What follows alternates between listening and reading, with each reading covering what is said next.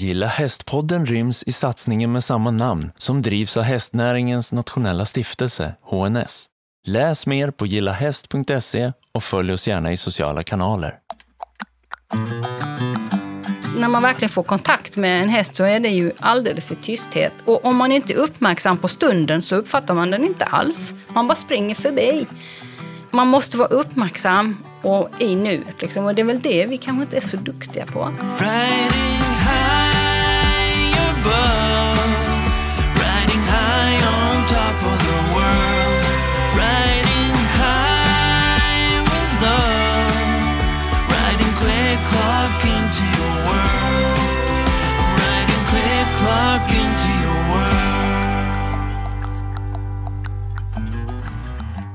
Hej och välkomna till Gilla Hästpodden. Hej Lisa! Hej Malin!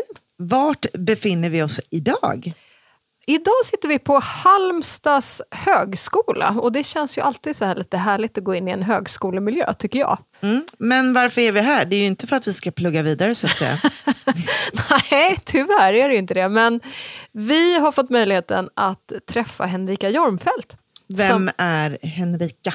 Henrika är forskare och har forskat inom området hästunderstödda insatser. Och det här är ju någonting som ligger mig lite extra varmt om hjärtat och jag tror många kollegor till mig, eftersom jag själv bedriver verksamhet inom det här området, så är det ju den här frågan man ofta fastnar i. Och jag tycker att det här är kanske det största hindret för att nå fram till beslutsfattare. För just den här frågan, vad finns det för forskning? Kan du sammanställa lite forskning som jag kan ha när jag ska presentera uppåt i min organisation? Om det nu kan vara en rektor eller en socialsekreterare eller vad det nu kan vara. Eh, och vi behöver prata mer om det här. Vi behöver hitta de här braiga...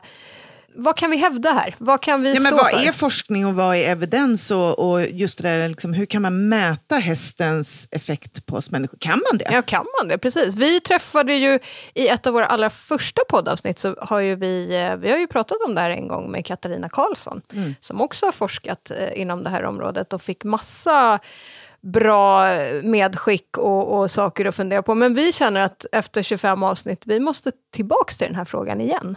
Jag tycker att vi beger oss till samtalet på en gång. Det gör vi. Häng med! Häng med. I'm riding click clock into your world. Hej och välkomna till Gilla Hästpodden. Idag ska vi träffa en ytterst intressant person. Det är en som har forskat på hästar och hästunderstödda insatser. Henrika, välkommen! Tack så mycket. Kan du berätta lite kort, vem är du? Ja, Henrika Jornfeldt heter jag ju, kallas alltid för Heffa i alla sammanhang. Det kommer nog från Heffaklumpen i Nalle. Jag är väl en liten lantistjej egentligen som fick min första häst när jag fyllde sju år. En liten svart shetlandsponny som hette Pelle. Eh, och sen gick jag i skolan som vanligt och det blev ju att man blev retad och ty- tyckte att man luktade häst och ja, sådär. Eh, men jag tycker att jag har kämpat på och kommit mig nu på slutet och ändå blivit då till slut professor och hittat tillbaka efter den omvägen kanske med det här akademiska att kunna då forska kring just det som är mitt intresse med hästar också då. Men vad är din eh, professionella bakgrund, Henrika? Jag har gått den långa vägen och började som vårdbiträde inom omsorgerna när jag var 18-19 år efter gymnasiet. Eh, sen sökte jag in och utbildade mig så att jag eh, fick, blev mentalskötare och jobbade som det i några år. Och sen blev jag specialistutbildad eh, psykiatrisjuksköterska med inriktning mot psykiatri. Sen jobbade jag som det i, ja, om det var 16 år eller någonting. Och eh, på slutet av de 16 åren så började jag då forska på halvtid. Eh, och sen disputerade jag på Lunds universitet 2007 och blev anställd på Högskolan i Halmstad 2009 sen. Och har sen då undervisat i specialistutbildning för sjuksköterskor med inriktning psykiatri och grundutbildningen också. Och eh, haft, hittat lite möjligheter till forskning vid sidan om. Så det går ju väldigt sakta det här. Så är det ju. Och vi sitter ju idag på Halmstads högskola där du eh, normalt befinner dig. Precis. Men vad är det då som vi pratar om här? Vi, vi har ju liksom i vår podd nämnt flertalet gånger med att hästar gör skillnad. Men hur gör de skillnad och hur har din forskning gått till?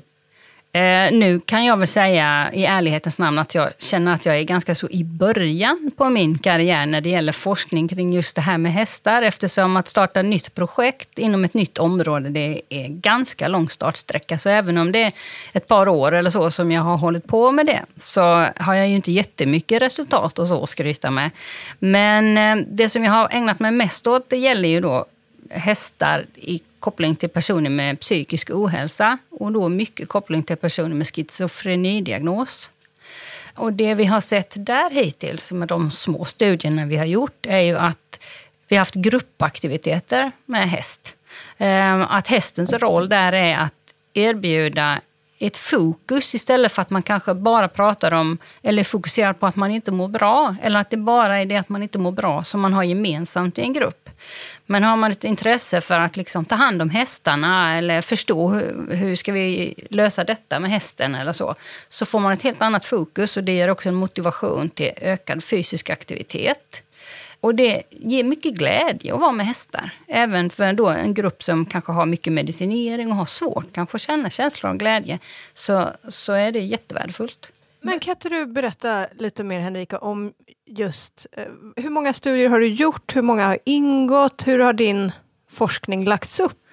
Två publicerade studier har jag hittills. Så den ena är ju en i samarbete då med goda arbetskamrater och kollegor såklart. Eh, och den ena är ju en sån här eh, litteraturreview eh, just på området då hästunderstödda aktiviteter och terapier med personer med schizofreni.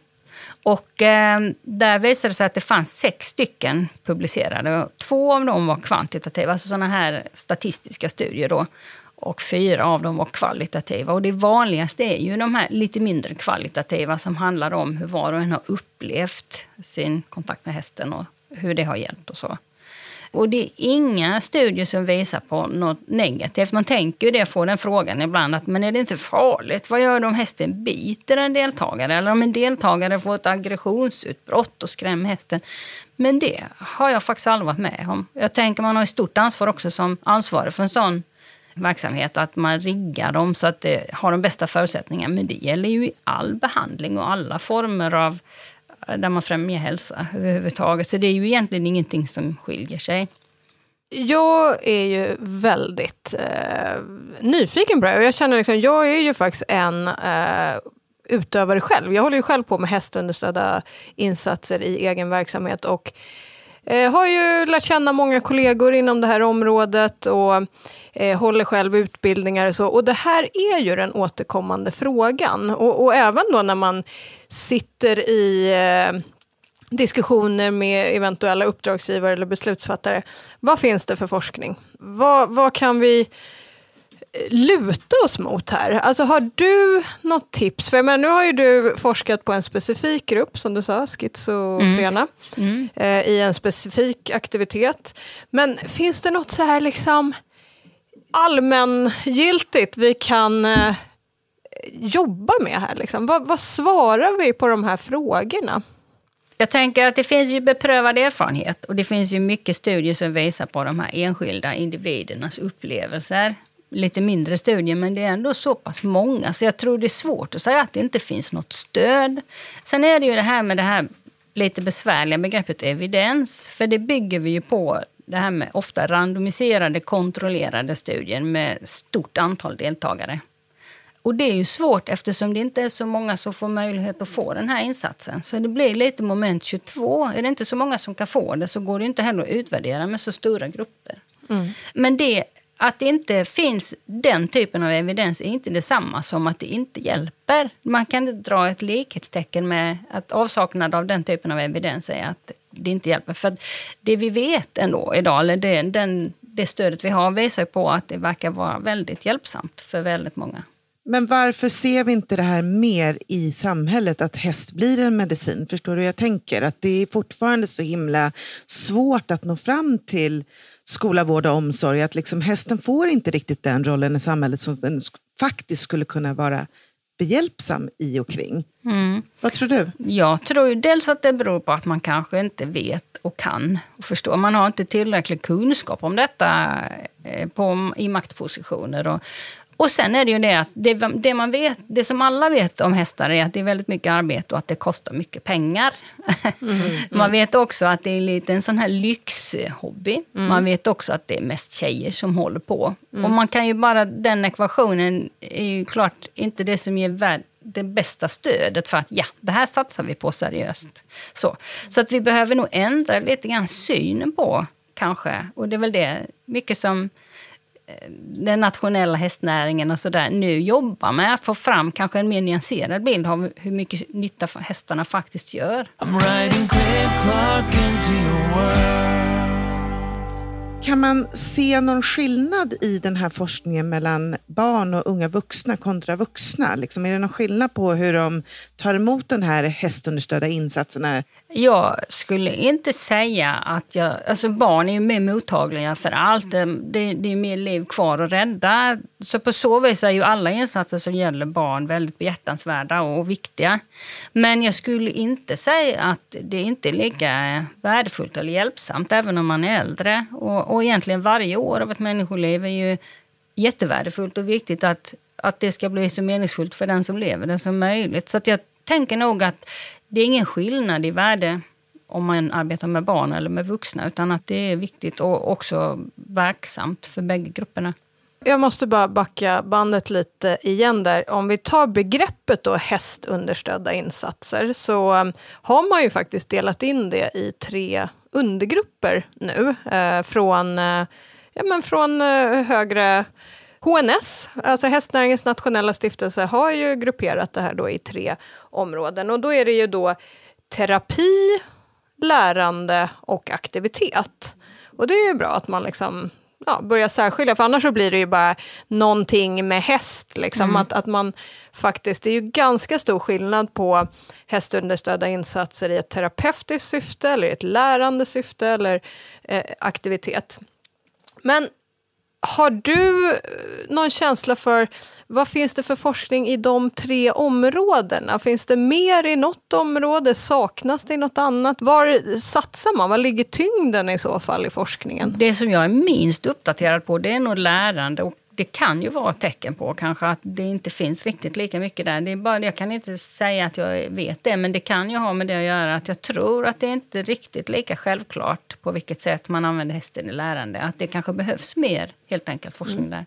Ja, det är ju det jag själv håller på med. Ja, eh, lära mig hästar och min egen verksamhet. Så att jag känner ju själv att eh, ja, men där behövs ju forskning. Men ligger tyngden då inom det terapeutiska området eller vad finns det mest forskning? Ja, och det är ju också lite grann en glidande skala. Vi har ju pratat om det på en del av de här nationella samordningshearingarna eh, eh, också.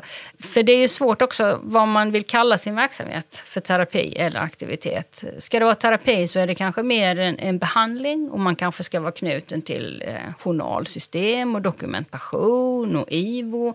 Och det kanske man, eh, ja, det kanske inte är helt lätt för alla och då kanske man väljer att kalla det för aktivitet även om det finns väldigt mycket terapeutiska inslag och man får kanske också väldigt mycket hälsoeffekter av det. Det är så olika också, även om det är jättebra att ha en tydlig indelning och att man vet, man försöker dela in det så man vet vad det är man pratar om, så tror jag inte att det är så enkelt att det är alltid solklart i forskningen att veta om det är terapi eller om det är aktivitet. Och även en aktivitet är ju väldigt terapeutisk verksam. Exakt, och det är ju verkligen något som jag själv då kan hamna i de situationer när man ska förklara det. För jag brukar vara väldigt noga med att säga, men jag är ingen utbildad psykolog till exempel. Men självklart så blir det ju många terapeutiska inslag som du säger, just när man får mulen mot kinden eller när man får komma och kanske släppa sin ångest eh, i ett ridhus istället Och för när man sitta... lyckas med någonting Ja, i en exakt. övning eller Ja. när man lyckas i, i det, de olika övningar man gör. Ja, men det är ju här vi- ofta, eller då jag kan tala för mig och många kollegor, man ofta hamnar i den här diskussionen då med sin potentiella uppdragsgivare att ja, men kan du bara slänga upp lite vad det finns för forskning här, bara så jag kan ha något i ryggen nu när jag tar det här vidare till Mm. rektorn eller Mm. till Mm. Socialstyrelsen eller vad det nu kan vara. Och det är där man blir lite så här, eh, ja fast så enkelt är det ju liksom inte. I den eh, interventionen som jag skapade i samarbete med IFSAP i Halmstad, som är en lokal underförening till Schizofreniförbundet nationellt, så hade vi jobbade tillsammans med brukarna själva för att ta fram ett koncept som skulle vara särskilt anpassat för just denna gruppen. Och det som vi kom fram till i det samarbetet var ju att eh, för det är ju en ganska utsatt grupp personer med schizofreni. Man blir liksom sjukförklarad och man ser kanske de sjukaste aspekterna hela tiden. Det blir liksom hela tiden utifrån den linsen man blir mött och bedömd. Så det som var viktigt för dem, det var ju att få känna sig så frisk och normal och som vanligt som möjligt. Och det är ju det, är ju det man verkligen känner när man är med en häst. Det är svårt att stå jämte en häst ute i skogen och känna sig liksom konstig. Eller on- alltså man, där är man bara. Eh, och, eh, så att, även om det säkert har mycket terapeutiska inslag så valde vi i det sammanhanget att kalla det för aktivitet. För det var det som gjorde att de kände sig mer friska och normala. Liksom. Sen så var vi väldigt eniga om att det var jättebra att kompetensen fanns på plats. Så att om det var så att det väckte någon känsla eller någon insikt, att man faktiskt kunde få rätt hjälp att hantera den eller bli förstådd i det. Så att inte man blir lämnad ensam med något obehagligt, någon rädsla eller någonting. Och igen hamna in i det här att jag är nog sjuk i alla fall. Liksom. Så.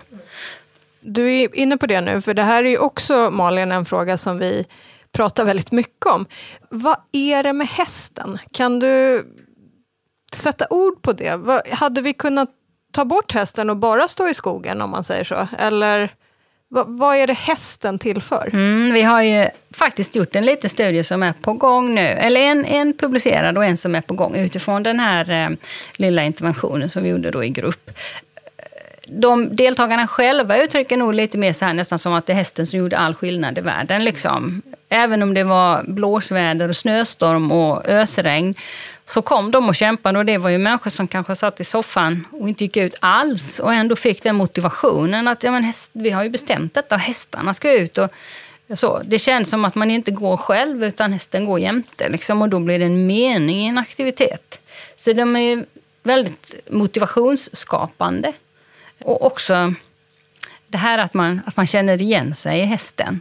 Och det finns ju ingenting som är så fantastiskt som att gå in och dricka varmt te eller varm soppa och äta nybakat bröd efter att man har varit ute i snön och blåsten och eländet.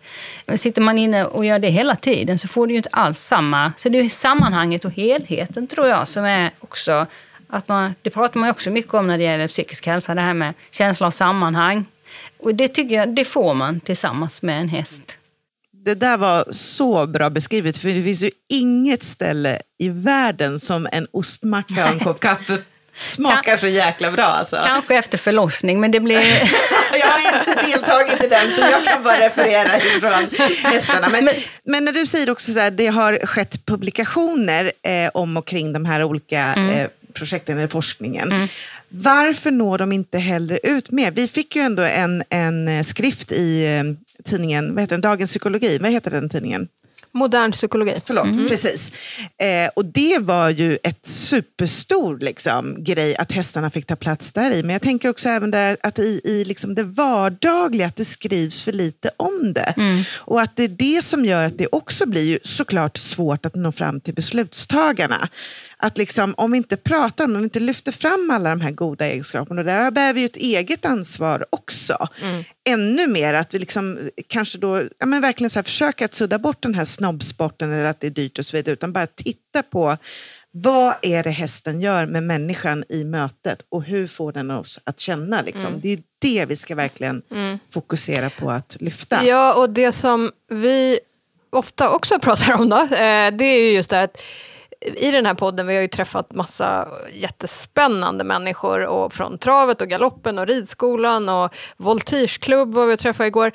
Eh, I Sverige har vi 450 ridskolor. Det är unikt i världen, ungefär en och en halv ridskola per kommun. Så att tillgängligheten till hästar, och vi har 360 000 hästar, så Sverige är Europas näst hästtätaste land tänk, och, och så har vi 33 travbanor, vi har voltigeskolor, vi har galoppskolor. Så att det, tänk om, om man kunde dra ännu mer nytta och hitta ännu mer långsiktiga samarbete med vård, skola och omsorg. Och jag behöver inte sitta och övertala dig om hur bra det här skulle vara. Men det är ju den här potentialen man, man eh, har börjat inse nu när vi... Ja, och som man önskar skulle kunna verkligen få bli en verklighet. Att, att verkligen det här liksom kunna länka ihop skola, vård, omsorg med kommunen och för att få, för att men också i och med den här pandemin så har ju hemmasittandet och den psykiska ohälsan skenat iväg om vi ska nu tala hästspråk. Och det kommer ju inte bara att gå att fixa så, utan det kommer ta tid. Och där tror jag vi verkligen hästens roll kommer att få en trädande kraft. Jag hoppas på det i alla fall. Men vad, vad tänker du om det, Henrika? Ja, nu när vi pratar om det så tänker jag faktiskt att det kanske är någonting med hästens det här subtila sättet att uttrycka sig. Eh, som vi lite grann har sprungit ifrån i vårt moderna samhälle. Det ska vara eh, prestation, det ska, vara, det ska gå fort, det ska vara effektivt och vi ska arbeta som robotar och vi ska bortse från vad som känns och om det känns bra och den typen av eh, ja, värden. Medan hästar ju lever ju inte så. Nej. De går ju egentligen, om de får välja själva, hela dagen och har det bra och kommunicerar och det är mycket bekymmer ändå. Vem som ska dricka vatten först och vem som ska äta på bästa gräsplätten och vem som får vara med vilken häst och vem som ska gå fram och nosa först om det kommer någon och säger hej. Så de, de har ju mycket ändå som inte bara är guld och gröna skogar. Liksom. Men, men det är ändå, deras sätt att uttrycka sig om detta är så väldigt... Så jag tänkte på det när jag körde hit idag. Att den här frågan, liksom vad det är som är så bra med hästar. Och jag vet inte, det är svårt att sätta fingret på det. Och det kanske är för att de uttrycker det så väldigt försiktigt. När man verkligen får kontakt med en häst så är det ju alldeles i tysthet. Och om man inte är uppmärksam på stunden så uppfattar man den inte alls. Man bara springer förbi. Eh, man måste vara uppmärksam och i nuet. Liksom. Och det är väl det vi kanske inte är så duktiga på. Så jag tror faktiskt att det kan vara en av anledningarna till att det är svårt att sätta fingret på. Eller hur motiverar man? Vem vill betala för att det handlar om att stanna upp och känna efter? Liksom. Ja, men gör det då. Det är väl inget vi ska betala för. Men det, det är inte så lätt som det låter. Det är rätt svårt. Men, men vad tänker du kring det här eh, när vi, när vi pratar om de här siffrorna? 450 ridskolor, 33 travbanor, voltigeskolor och så vidare. Plus alla gårdar där ute. Eh, hur, hur kan vi komma dit och, och faktiskt hitta det här samarbetet långsiktigt? Nej, jag tror först jag måste man vara bli medveten om det och liksom föra fram budskapet. Så jag tror ju att det håller på att hända någonting. Eftersom det, att det finns så många hästar och så många gårdar och så många ridskolor och travbanor. Det måste ju ändå vara att det är någonting som människor mår bra av och väljer att fokusera på och investera i. Samtidigt så kanske det här med att veta varför, det kanske inte vi kan, har varit jätteduktiga på att sätta ord på. Myrby stallinredning. Vi gör dina stalldrömmar till verklighet. Egen produktion och lager i Enköping. 50 års erfarenhet. Vi bygger stall som håller länge. För dig, miljön och plånboken. I'm riding Craig Clark into your world. jag är ju så himla ja, men intresserad av det här med forskningsbiten och så, eh, både för min egen del och andra. Men det här är ju också ett, en eh, grej. Hur kan vi använda de här begreppen? Vad krävs för att få kalla någonting för forskning? Vad krävs för att få säga att det är beprövad erfarenhet? Och versus då evidens. Så det är de här tre begreppen som cirkulerar och folk slänger sig lite med dem till höger och vänster. Hjälp oss lite här. Evidens är ju egentligen, det, det vilar på tre ben. Det ena är forskning. Och forskning är ju då eh, publicerade vetenskapliga resultat i internationella vetenskapliga tidskrifter. Men så fort, så bara du får en artikel så kan du kalla det forskning? Eller Ja, bara så jag förstår? alltså sen finns det ju kanske bättre eller inte riktigt lika bra forskning. Så. Men att jag tycker nog ändå att är det publicerat i en internationell vetenskaplig tidskrift så är det ju ändå att betrakta som forskning. Och evidens del, vilar då dels på forskning dels på beprövad erfarenhet och det är ju professionens kompetens. Det här har vi provat i den här behandlingen flera gånger och det har fungerat så det vet vi. Liksom. Och sen är det också brukarens eller patientens, klientens och närståendes perspektiv att de också. Så det är de tre olika benen som, som ingår i begreppet evidens. Men be, alltså det är samlingsnamnet för allt om man säger så egentligen, evidens. Ja. Ja. Men om vi tar då beprövad erfarenhet. Räcker det med att jag och Malin går en hundpromenad på morgonen och jag säger till henne så här, hur mår du innan promenaden, hur mår du efter promenaden och om hon mår bättre efter, kan jag kalla det för beprövad erfarenhet då? Ja, alltså på ett... Det är det ju. Om det har hänt varje gång under flera år så måste man ju i alla fall kunna säga att det på ett individuellt plan är det ju en beprövad erfarenhet. Där som, Men hur många gånger måste vi promenera? mm, Och hur många måste vi vara? ja, nej, det, ja, det kan jag faktiskt inte svara på så. Men, så den är ju, och det är väl det kanske som är, skiljer forskning, att den ska vara mer systematiserad. Medan beprövad erfarenhet är ju erfarenhet. Liksom. Ja. Och, och det är klart, hittar man forskningsresultat som går stick i stäv med den beprövade erfarenheten så kan jag ju tänka mig att då, då behöver det undersökas vidare. Men så länge de, de går samma väg så då, då är det ju tillförlitligt. Det är därför som det behövs, alla de här olika delarna.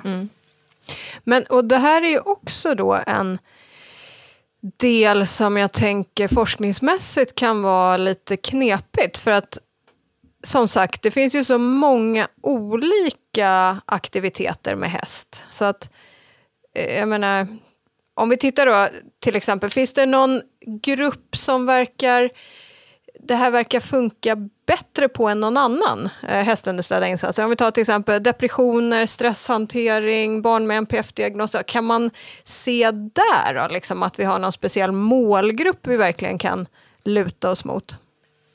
Jag tror inte att det är så tydligt i forskningen att man kan... Utan det är ju, handlar mycket om vilka grupper har man hunnit undersöka tillräckligt eller så. Men om jag skulle gå till min beprövade erfarenhet och det som jag... Den, ja, så tror jag inte att det finns någon skillnad så. Utan det handlar mer om grundläggande mänskliga behov som hästen kan tillgodose. Så det har egentligen ingen koppling till någon särskild diagnos, inte till någon särskild profession, utan det är ett holistiskt perspektiv som möter människans mest grundläggande behov, tror jag. Men även där, just så här, finns det något område som du känner att det skulle behöva forskas lite mer kring utifrån det vi idag har kommit fram till? Och vilket område skulle det kunna vara i sådana fall? Jag skulle egentligen säga det behövs överallt. Men en sak som kanske är viktigt just för att öka tillgången för de som skulle vara hjälpta av sådana här insatser, det är ju just eh, hälsoekonomiska studier. För det är ju det som kan motivera till att det finns tillgängligt och då kan man också få mer, större forskning. Och vad randomis- betyder det, hälsoekonomiska? Ja, det är att man kan se att det lönas. lönar sig. Att det inte bara är en kostnad utan att man mer kan se det som en investering för samhället. Jag, jag har ingen källa eller så på det men jag vet någon gång i min utbildning så kom jag i kontakt med någon information i något sammanhang som handlade om att en lärare som eh, någon gång under en elevs utbildning eh, ser en, en ung människa som är på väg att komma på fel spår i livet. Och en lärare som lyckas då rätta upp det och få kontakt och få den här unga personen på rätt spår och komma eh, igång med studier och komma liksom så att man kan gå vidare till arbetsliv och så. En sån insats den gör att hela den här lärarens yrkesliv, alla löner under hela yrkeslivet, det har samhället liksom redan tjänat in på bara en enda individ som hamnar på rätt spår igen. Liksom. Och, och tänker man så, så, så ser man ju vilka enorma... För om, om man inte klarar av att vara med i arbetslivet, man mår dåligt, man behöver mycket vård, man far illa och, och lider i sitt liv, det är, det är en stor kostnad för samhället och det ska man inte glömma. Men även där, just att som du säger, nu, vi möter de här olika små hindren och problemet att liksom kunna, kunna få ut det här. Men det görs ju ändå väldigt mycket genom Svenska Ridsportförbundets trygga ledare och vi har Friends och vi har genom den beridna högvakten döptes en häst till Avicii och ja, men hela den grejen. Att om vi skulle kunna få ännu lite mer att vi krokar arm med varandra och verkligen lyfter det här och pratar om det här som en ja, men som vi säger, häst på recept. Tror du att det skulle kunna vara någonting att, att ta med sig framåt? Att till exempel under, jag bara tänker stort eller tänker högt snarare, att man under eh, Göteborg Horse Show kan ordna ett sånt seminarium eller kunskapstankesmedja eh, eller någonting sånt. För att komma vidare, för att också prata med... Det finns så många där. Jag menar, jag har väldigt många goda vänner som har barn med olika, jag brukar kalla för prognoser, för jag tycker det ändå är en god prognos på saker och ting istället för en diagnos. Men att de känner ju också den här hjälplösheten. Att vart vänder man sig till och hur kan jag få hjälp? Och att de oftast då också genom kommunen och, och, barn och ungdom möts av att liksom, den här lite skepsis att ja, hästar det kostar och ja, den är allergisk och så vidare. Att vi måste liksom bryta ner det lite hela vägen tror jag. Mm. Jag tycker det låter som en jättebra idé att få in ett sånt perspektiv i sådana event som till exempel Horse Show eller så. Det hade ju det tror jag. För det finns nog ett glapp också. För vi människor kan ju också använda hästar till det här som vi ägnar oss åt oss så mycket, det, det här med prestation och vi ska tävla och vinna. Och, och, det behöver inte vara negativt. Men, men det som hästarna kan ge oss allra mest, för det tror jag man får även om man är riktigt duktig tävlingsryttare, så får man de där stunderna av mindfulness tillsammans med hästen också, annars hade man säkert inte nått så långt. Nej, men det är ju bara att titta på Peder när han liksom i den här bevingade hästen, hur han läser till exempel Allan och hans sätt att uttrycka och hans sätt att förklara just det här med energier. Det går ju liksom inte Alltså jag tror också att man kan inte nå den framgången om man inte har den eh, kärleken och förståelse för hästen. Så, att, eh, så det är ingen motsättning, men jag tror det, det, tror man kanske. Att det är ju för de som är jätteduktiga och det har inte med, med det här mm. genuint mänskliga och, och grundläggande behov att göra, men det har det säkert. Mm. Men Lisa, då får vi göra det till nästa år helt enkelt. Absolut. Sätter upp det på att göra-listan.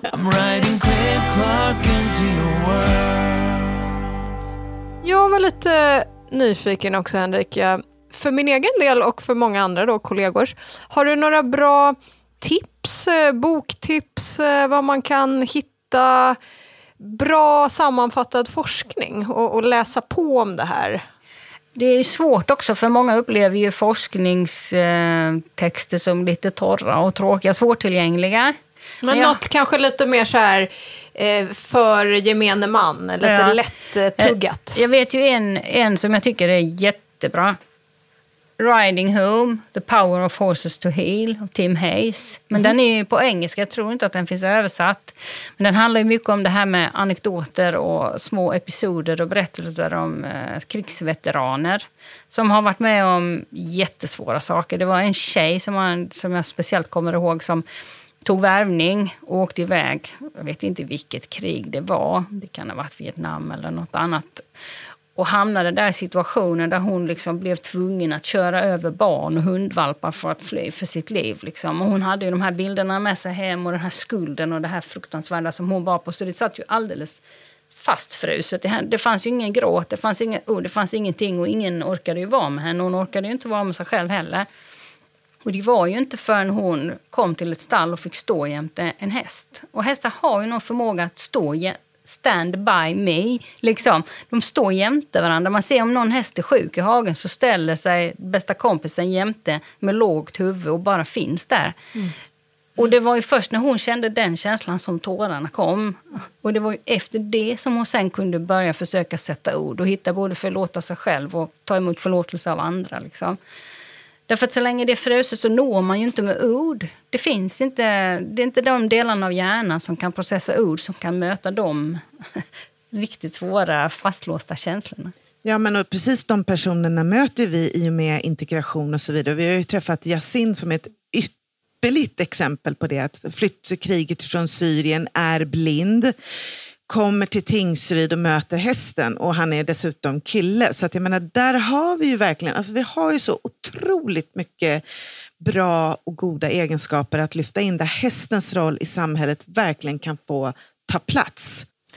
Har du något nytt forskningsprojekt på gång? Vad är det du själv vill lära dig mer om framåt här? Jag har en, en liten studie på gång där jag har intervjuat barn med, eh, ja, i svåra livssituationer så att de är remitterade från psykolog med hjälp av en metod som heter fotovoice. Att man tar bilder under de här sessionerna med hästarna.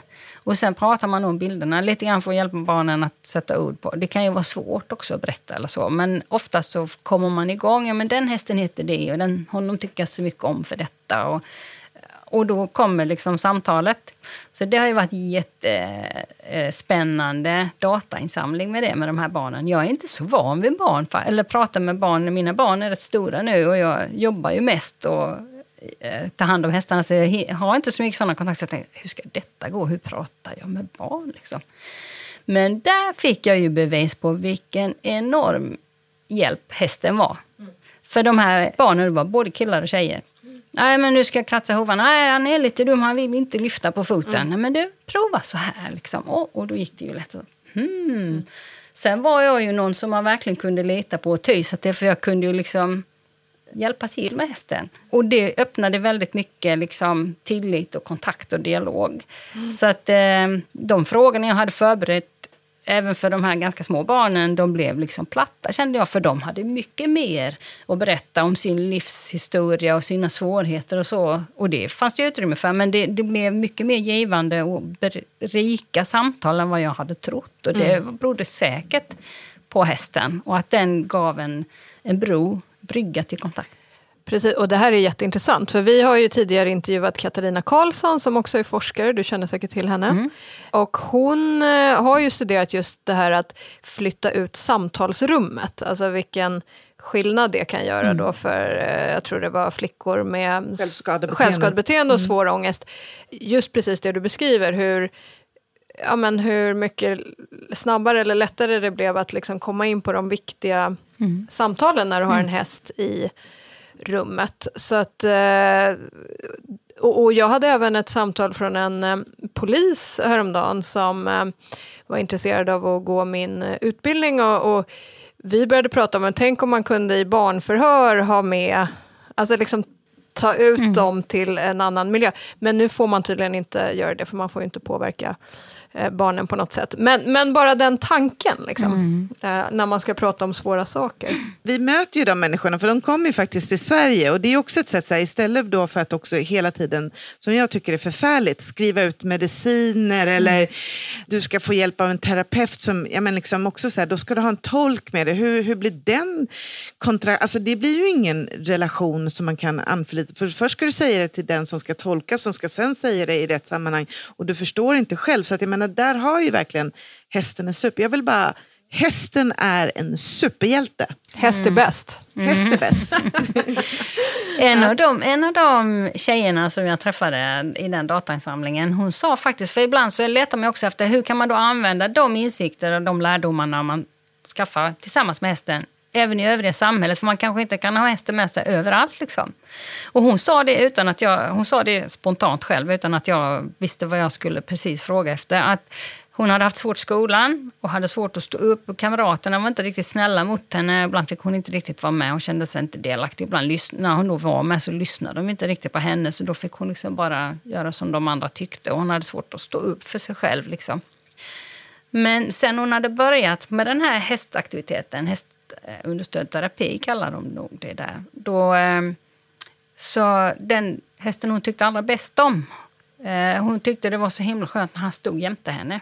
Och hon hade liksom tagit med sig den känslan sen när hon gick tillbaka till sina kompisar i skolan.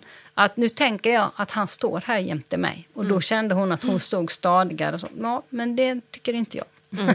då kunde hon. Ja, men precis det är det faktiskt. Jag om jag nu då får kalla det för beprövad erfarenhet, alltså med mina elever, så är det eh, ofta så de kan beskriva det också. Och att deras, eh, vissa av de här lärarna också har varit så otroligt duktiga pedagoger, att tagit kort på hästarna, haft hästarna i klassrummet, så man kan hitta tillbaks till känslan. Att mm. man kan titta på, kort, eh, på bilden och kommer ihåg nu hur du kände när du stod bredvid Carlos i, i ridhuset. Och så kan de här eleverna liksom komma tillbaka, reglera någon känsla. Alltså det blir mycket eh, liksom mycket mer långsiktiga effekter än vad jag kunde ana Mm. från början. Faktiskt. En riktigt djup insikt, den har man ju med sig för resten av livet. Ja. Det är ju inget som försvinner sen. Liksom, det var, den fick jag frågan, när jag hade en föreläsning en gång, så fick jag frågan, men hur länge håller effekten i? Jag blev alldeles tyst, jag tänkte, nej men så kan man Det var ju självklart för mig att den är ju livslång. Liksom. Så att den, jag blev så förundrad över frågan. Men det, det är så olika hur man ser det. är klart, jämför man med en tablett så går den ju ur på några timmar. Liksom. Myrby stallinredning. Vi gör dina stalldrömmar till verklighet. Egen produktion och lager i Enköping. 50 års erfarenhet. Vi bygger stall som håller länge. För dig, miljön och plånboken. I'm riding clear clock into your world. Kan du själv berätta om ett hästmöte eller en häst som har gjort skillnad för dig? Det har jag funderat på, för jag visste ju att jag skulle få den frågan. Och jag har tänkt fram och tillbaka. Och jag vet inte om jag kan urskilja en specifik händelse, utan jag tycker att det är ett enda långt pärlband av händelser och insikter. Och det jag tycker nästan, i och med att jag har fött upp de hästar jag har själv, så jag har liksom delat liv med dem sen det att de föddes och var pyttesmå bebisar, tills att de växte upp och kom i pubertetstrotsåldern och sen ung vuxen och sen hela livet och sen gammal och klok och sen till slut då har avslutat, eller ja, slutat sina dagar. Och få följa med på den resan och få lära känna en så klok individ så. Och då flera stycken också. Är ju, är ju väldigt gåva. Helt jag tror inte jag förstår själv hur värdefullt det har varit för mig och hur mycket jag har lärt mig av det. Som jag säkert har nytta av i alla beslut och möten och överväganden man gör i livet som man har med sig hela tiden. Liksom. Så jag har jättesvårt att säga en, en händelse. Ja, men jag eh, nickar igenkännande, för det är ju som du säger, det blir ju en livslång relation. Och just att även där, precis när man har varit med med sin häst eller den hästen man har eller det hästar man har, att man liksom lär ju också känna dem på ett helt annat sätt. Jag kan ju se nästan vilken dag det är på Klickson. Att så här, okej, men idag är inte läget att hålla på och träna det här. Idag ska vi bara skojsa eller vi ska bara rykta. För att man, man känner varandra så väl och han känner ju mig så väl. Han känner ju direkt när jag är lite stressad eller lite irriterad över någonting. Och då blir ju han också så här, "Åh, nu är det brandalarm här någonstans. Och då kommer jag ju, precis som du säger, till insikt med att oh, två lugna andetag och bara vad är det vi ska göra idag? Nej, men vi ska inte rida idag för jag är inte en bra person idag för dig. Liksom. Att ha, komma till den insikten, och det är precis även där i relationer med, med människor eller jobb eller arbetsgivare eller någonting. Jag säger att hästarna är ju ett lärande för livet. Det kan vi alla instämma i tror jag. Och sen är det ju ibland lätt att kanske... Vi har ju en tendens, vi människor, att vara lite sentimentala eller sådär. Man tänker de är ju snälla och förlåtande och står ut med mycket. Och många gånger är det ju att man tycker synd om dem. Och, men samtidigt så behöver man ju ibland kunna vara ganska tuff också. Så att man behöver ju verkligen använda hela sin repertoar. Och det tror jag Ja. också är väldigt välgörande. Ja, och Exakt. när man ska använda den repertoaren istället för att, som du säger, att ibland eh, med, också med hästar, precis som vi har nämnt, att det är ju individer, att du kan inte kanske gå i gasen för då kommer det liksom, det förtroendet är redan bränt. Och också just att när behöver jag sätta ner foten eller när behöver jag bara så här förbise det. Det lär en så otroligt mycket och nej, jag kan bara säga tack Klickson för allt han har lärt mig. Ja, ja. Och kanske det här med att vi tror att man ska bli, om man då behöver sätta en gräns, att man behöver bli arg och ryta. Och så här. Men det tror jag, ibland kan det handla om att bara stå kvar. Nej, det här var min plats. Du får stå där. Liksom. Och att man då inte, och om hästen då ändå, då får man ju så med den kraft som behövs visa att nej men jag stod faktiskt här. Eh, och det är ju egentligen inga hårda ord eller några, men det är ändå en väldigt tydlig markering. Och jag tror de lyssnar på sådana subtila saker om man bara är medveten själv. Liksom. Ja, ja. och just eh, att de är så stora djur, så att det gör ju en, eh, en, en stor skillnad också. För det är ju ofta den frågan jag får, ja, men varför hästar och funkar hundar och katter eller får lika bra? Ja, absolut, jag menar djur som djur, men, men hästens storlek gör ju sitt till. Liksom, att det krävs ju ett visst ledarskap och en viss tydlighet eh, på det här eh, liksom sunda sättet som vi pratar om. Men Henrika, vi ska avsluta alldeles strax. Vi ska börja avrunda. Och så har vi en sista fråga som vi brukar ställa till alla våra poddgäster. Eh, Med all din eh, erfarenhet och, och all kunskap du bär på, om du fick eh, möjligheten att skicka ett kort meddelande till våra beslutsfattare Eh, just kring det här att få dem att fatta galoppen som vi brukar säga. Hur hästar gör skillnad och, och vilken resurs det här skulle kunna vara i samhället. Vad skulle du vilja säga då? Och det är ju svårt, ett kort budskap. Men jag tänker på det här med hållbarhet och det har ni ju pratat om i den här podden innan också. För just det här med att kunna stanna upp och tänka efter och våga vara närvarande i nuet. Liksom. Om man nu inte tycker att hästar är ett hållbart och ekonomiskt och bra alternativ, vad tycker man istället? För det kanske inte är så att man bara kan låta bli och se att det är ett stort samhällsproblem med en skenande psykisk ohälsa och, och, och det här. Jag tror att hästarna kan hjälpa till där. Och så länge man inte då, jag tror inte att man har något bättre. Och medicineringen, det kan inte vara hållbart. Det är inte bra för miljön, det är inte bra för individen. Sen kanske det är bra för BNP, det vet jag inte. Men, men det kan inte vara så det är tänkt att vi ska ha en hållbar utveckling. Utan istället använda det vi har i vår natur. Och som vi, med alla dessa ridskolor och alla dessa... För det finns ju någonting med, med det här med genus och så också, att det är lite kvinnligt. Det här med att, speciellt att ha häst som inte är kopplat till den här höga prestationsnivån och tävla och krav, utan att faktiskt ha hästar för att må bra. Låter lite tjejigt sådär. Men att det kanske ändå är precis den typen av utveckling som vårt samhälle behöver fokusera lite på för att hitta balansen. Det vill jag skicka med. Bra talat. Verkligen. Det där, ja.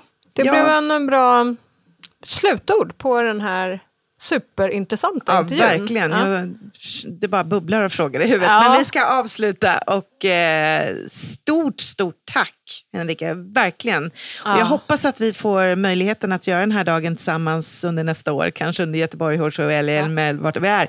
För att ta det här vidare. Ja. Och bara sista, sista här. Om man är nyfiken, mer, vill veta mer och vill kontakta dig, får man göra det och hur gör man det i så fall? Det går jättebra. Jag har ju en liten eh, hemsida, Broddareds eh, Häst för hälsa och välfärd heter den. Eh, Välbefinnande till och med. Broddareds häst för hälsa och välbefinnande, det är så många ord. Ja. Vi sen- lägger länken också i Ja. vårt inslag. Ja, och det sen gör går det också via Högskolan i Halmstad, för där är jag ju också mycket. Stort tack Henrika Jormfält, forskare inom hästunderstödda insatser. Tack för att du ville komma till vår podd. Tack så jättemycket. Tack! Barn med schizofreni, MPF. Nej, Nej, vi tar om den igen. då tar vi den igen. Ja. Five minutes later. Post, vad heter det? Traumatisk. Posttraumatiskt syndrom. PSI. P- PSD. PTSD. Mycket bokstavskombinationer Ja, ja, känner jag här. Som man ska... Gilla hästpodden ryms i satsningen med samma namn som drivs av hästnäringens nationella stiftelse, HNS. Läs mer på gillahäst.se och följ oss gärna i sociala kanaler.